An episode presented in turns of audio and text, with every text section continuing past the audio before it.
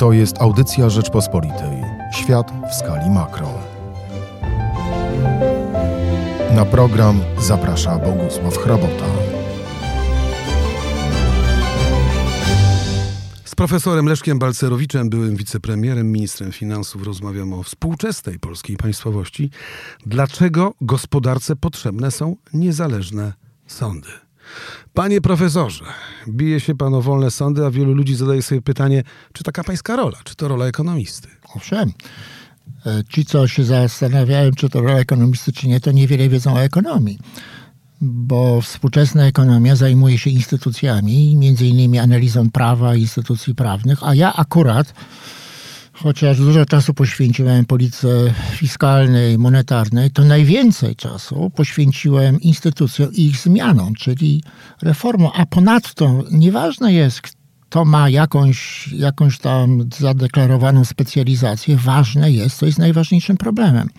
I w tej chwili od 2016 roku najważniejszym ustrojowym problemem jest niszczenie niezależnego wymiaru sprawiedliwości, bez którego demokracja nie jest w stanie się utrzymać.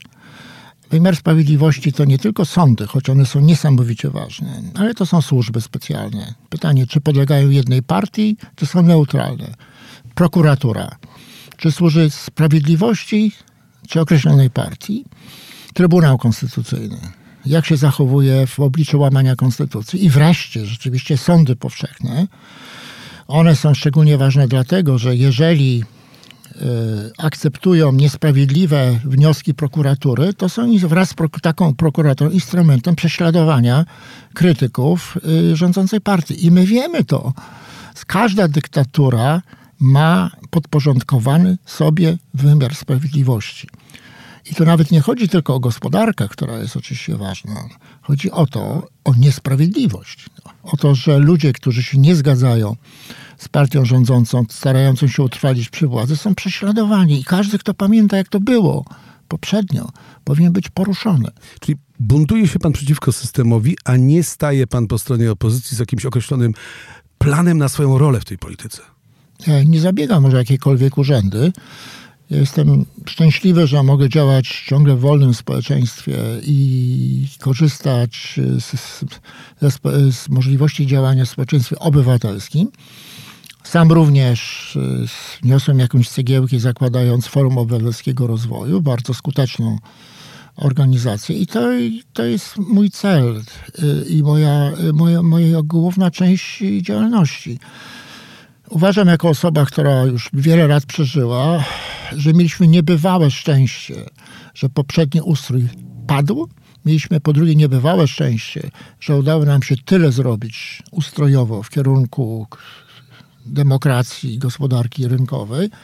Na tym tle nie można spokojnie patrzeć na drastyczne przejawy cofania się, szczególnie jeżeli chodzi o niezależny wymiar sprawiedliwości. Ja uważam, że to jest jeszcze poważniejsze niż psucie gospodarki.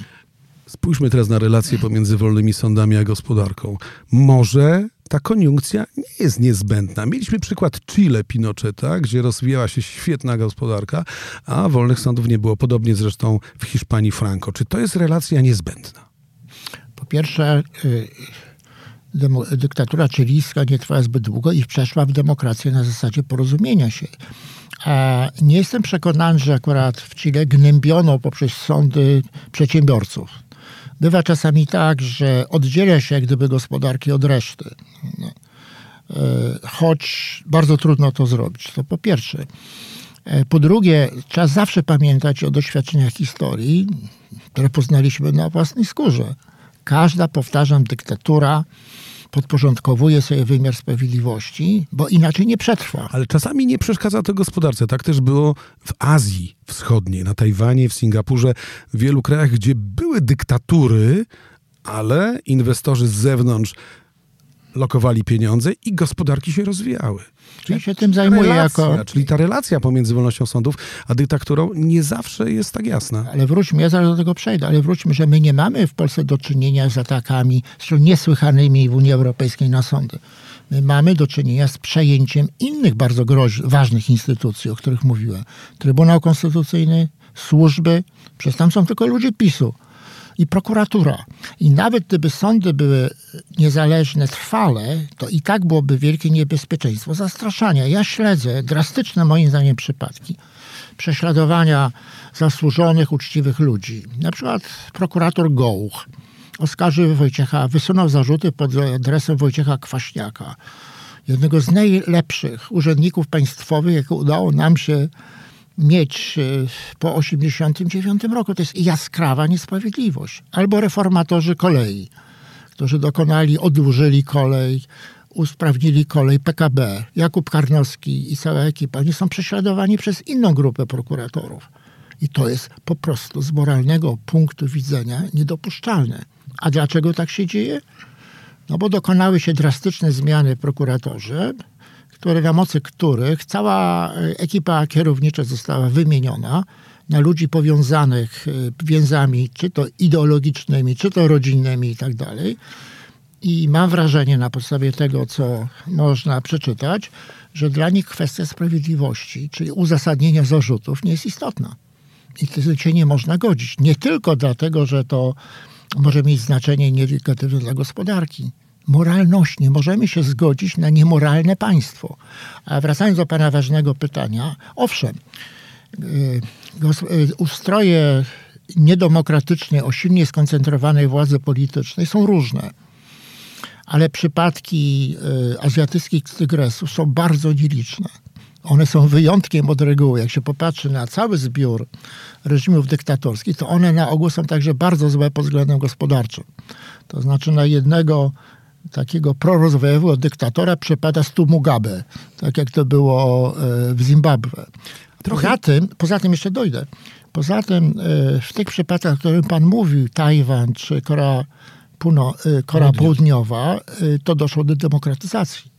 To znaczy to były reżimy, które chroniły własność prywatną, chroniły pewien model, który się okazał sprawny, to znaczy rozwój preeksportowy, ale jednocześnie nie okopywały się na pozycjach trwałej dyktatury. I nie, z tego co się orientuję, nie, te instytucje wymiaru sprawiedliwości nie były narzędziem represji. To, to... Wobec gospo sfery gospodarki na pewno nie. Ale, ale również innych osób. Ale jeszcze jedno chcę powiedzieć. W modelu. jeszcze chcę jedno dodać, wie pan. Znaczy, to nie tylko to, że e, sądy nie prześladowały przedsiębiorców było. Były ważniejsze czynniki rozwoju, o których w Polsce się nie mówi i, których, i od których odchodzimy w Polsce. Po pierwsze, to była gospodarka głównie prywatna, a my mamy do czynienia zapisu z nacjonalizacją. Po drugie, oni mieli bardzo wysokie inwestycje, bo mieli duże oszczędności, bo państwo socjalne było ograniczone. I dzięki temu, po trzecie, ponieważ to było prywatne i to było skierowane na eksport, to był od razu test. To znaczy, jak, jak sobie nie radzisz, to znaczy, że płacisz za to, prawda? Tych czynników nie ma. U nas my mamy projekty przekupu mierzei, mamy moim zdaniem kompletnie poroniony projekt budowy gigantycznego lotniska, Mamy do czynienia z, z rozpoczęciem inwestycji w Radomiu, bo Radom jest położone bardziej na południe, w związku z tym szybciej się doleci, wedle pana Suskiego, który jest akurat z Radomia, czy wraz z Bielanem, więc są kompletnie. I to mamy rażące różnice w tych innych czynnikach niż sądy. To właśnie, żeby troszeczkę namieszać w pańskim modelu, zapytam o Chiny. Chiny ludowe, Chiny kontynentalne, które są krajem nie tylko autokratycznym, ale wręcz totalitarnym, gdzie nie można za grosz powiedzieć nic dobrego o sądach, które są sądami pod kontrolą partii. One uznają Jednak oficjalnie. państwo się rozwija, przechodzi przez tą weryfikację skutecznego eksportu i tak dalej. Czy sądzi pan, że to na skutek zmian gospodarczych się zmieni i da ścieżkę do wolności również demokratycznych, czy też ten model przetrwa, będąc efektywnym ekonomicznie w przyszłość, bez zmian politycznych? To jest bardzo ważne pytanie i zasługujące na nieco dłuższą odpowiedź. Po pierwsze, przypomnę, że Chiny za czasów maoizmu to 70 milionów ludzi, którzy straciło życie i klęska gospodarcza.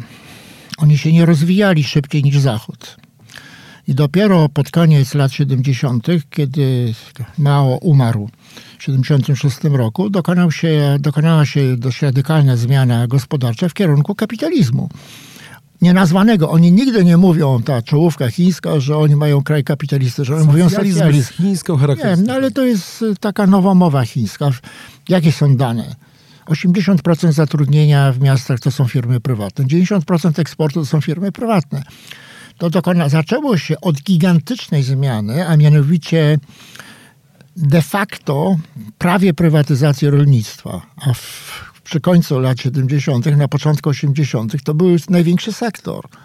Tego nie dało się powtórzyć w Rosji, bo rolnictwo było małym sektorem, na trudno do, trudnym do szybkiej zmiany. A potem poszło to w kierunku y, dopuszczenia inwestycji zagranicznych, dopuszczenia k- firm quasi prywatnych czy prywatnych i w efekcie mieliśmy ogromne, ogromne w sumie reformy, dzięki którym gdzieś 200-300 milionów ludzi wyrwało się z biedy, bo ruszyło z tych zacofanego rolnictwa do, do miast. Ale to jest triumf liberalizmu gospodarczego, a nie socjalizmu, trzeba to nazwać, prawda? Tyle tylko do tego trzeba dodać to. Dlaczego do tej, po pierwsze, to jest wyjątek. A nigdy nie opieramy reguł na wyjątkach, prawda? To jest wyjątek, szczególne warunki, być może dosyć rozsądni władcy, za wyjątkiem obecnego, który cofa Chiny, jeżeli chodzi o gospodarkę, e, on, oraz coś, czego nie ma w innych krajach. Chiny są ogromne. I dzięki temu, że są ogromne, jest konkurencja ogromna.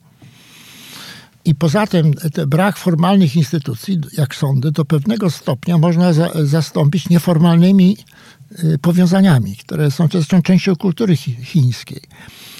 Co jeszcze? Chiny y, do tej pory rozwijały gospodarkę szybciej niż zwiększały się wydatki socjalne. Co to znaczy? Że Chińczycy mieli ogromne oszczędności, bo musieli oszczędzać i stąd ich stopa inwestycji wynosiła 40, 40 parę procent. Za dużo. Ale lepiej niż gdyby wynosiła poniżej 20, tak jak w Polsce.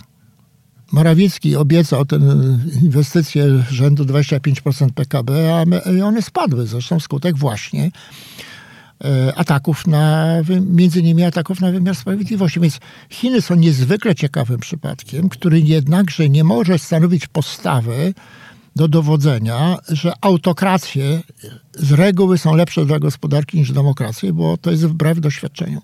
A może na bazie tamtych modeli cywilizacyjnych mocna centralna władza lepiej gwarantuje rozwój gospodarczy niźli demokracja oparta po prostu na, na, na Nie, na to właśnie wolnościach. Są naszych. Teraz te, nie, dane, jeżeli popatrzy się na cały zbiór krajów demokratycznych i cały zbiór krajów niedemokratycznych, autorytarnych, to wtedy widzimy, że są pewne wyjątki, jak Chiny do pewnego stopnia, wczesna Korea Południowa, czy Tajwan, które miały bardzo szybki wzrost, ale o wiele więcej jest y, krajów autorytarnych o bardzo kiepskich doświadczeniach.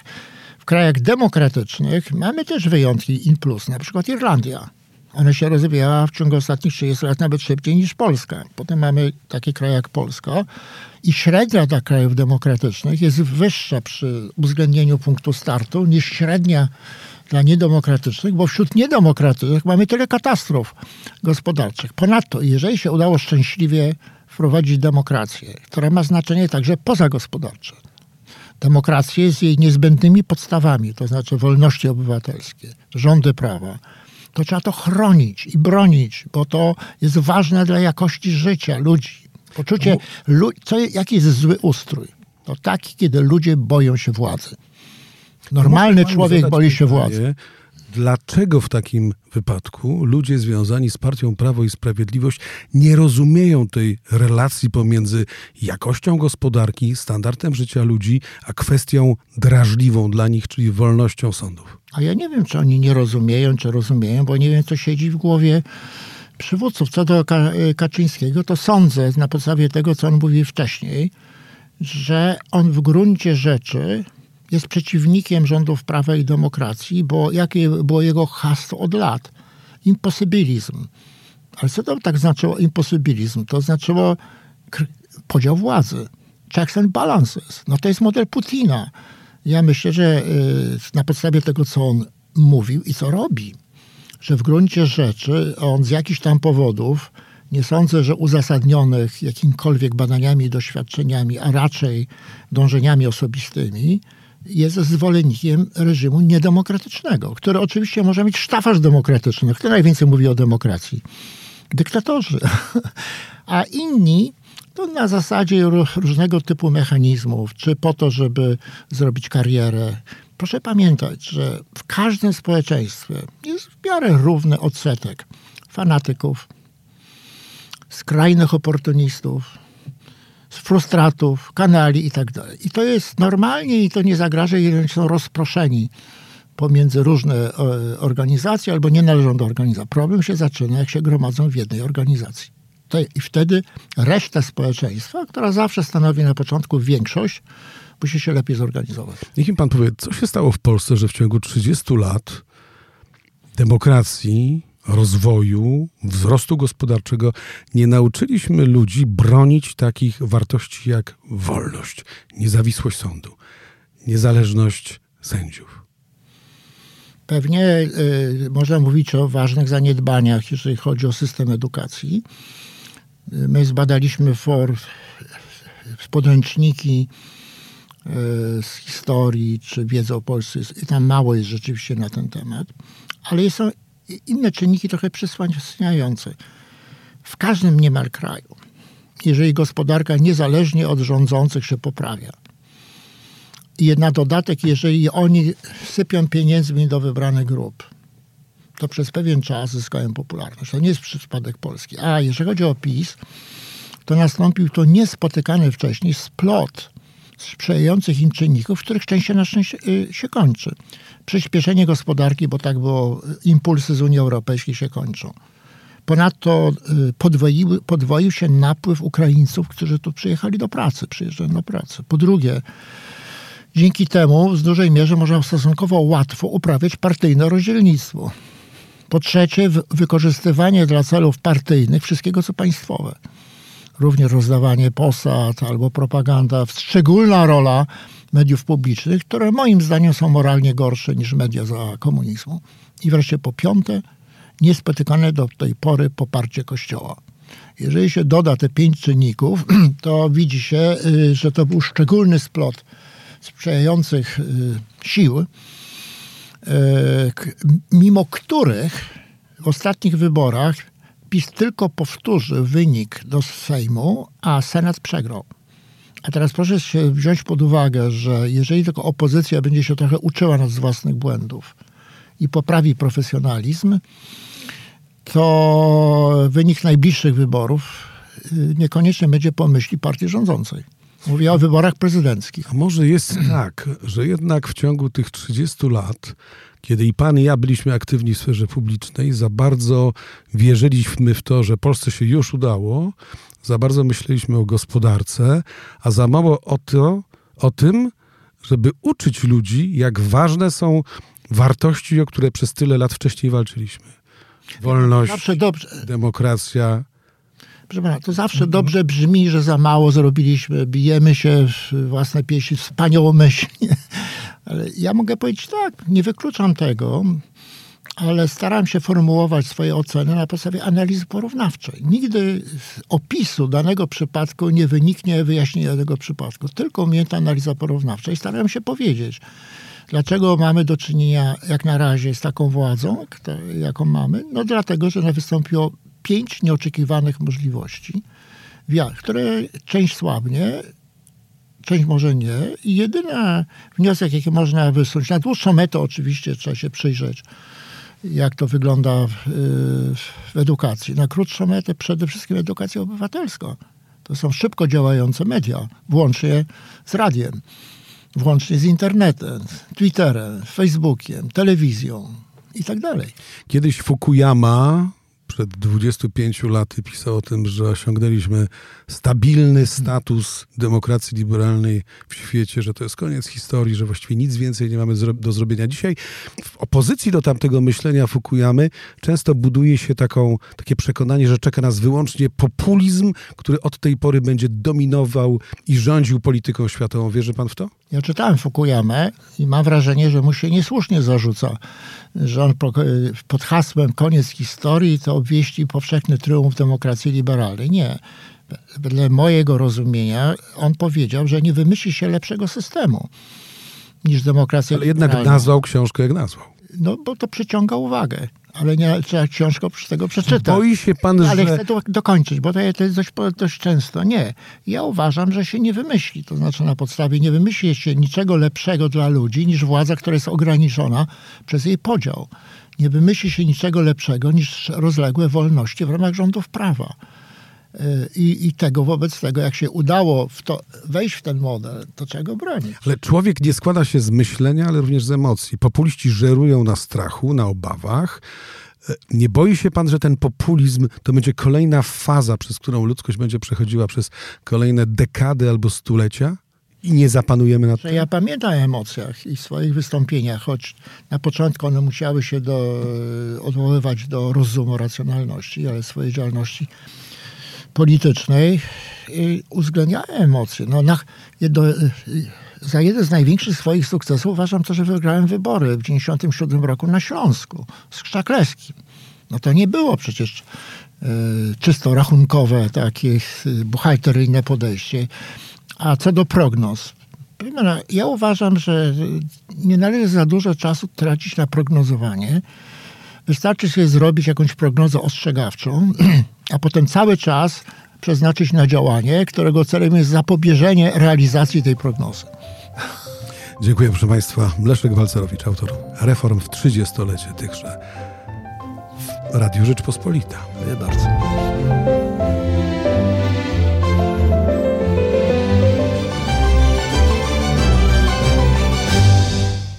To była audycja Rzeczpospolitej. Świat w skali makro.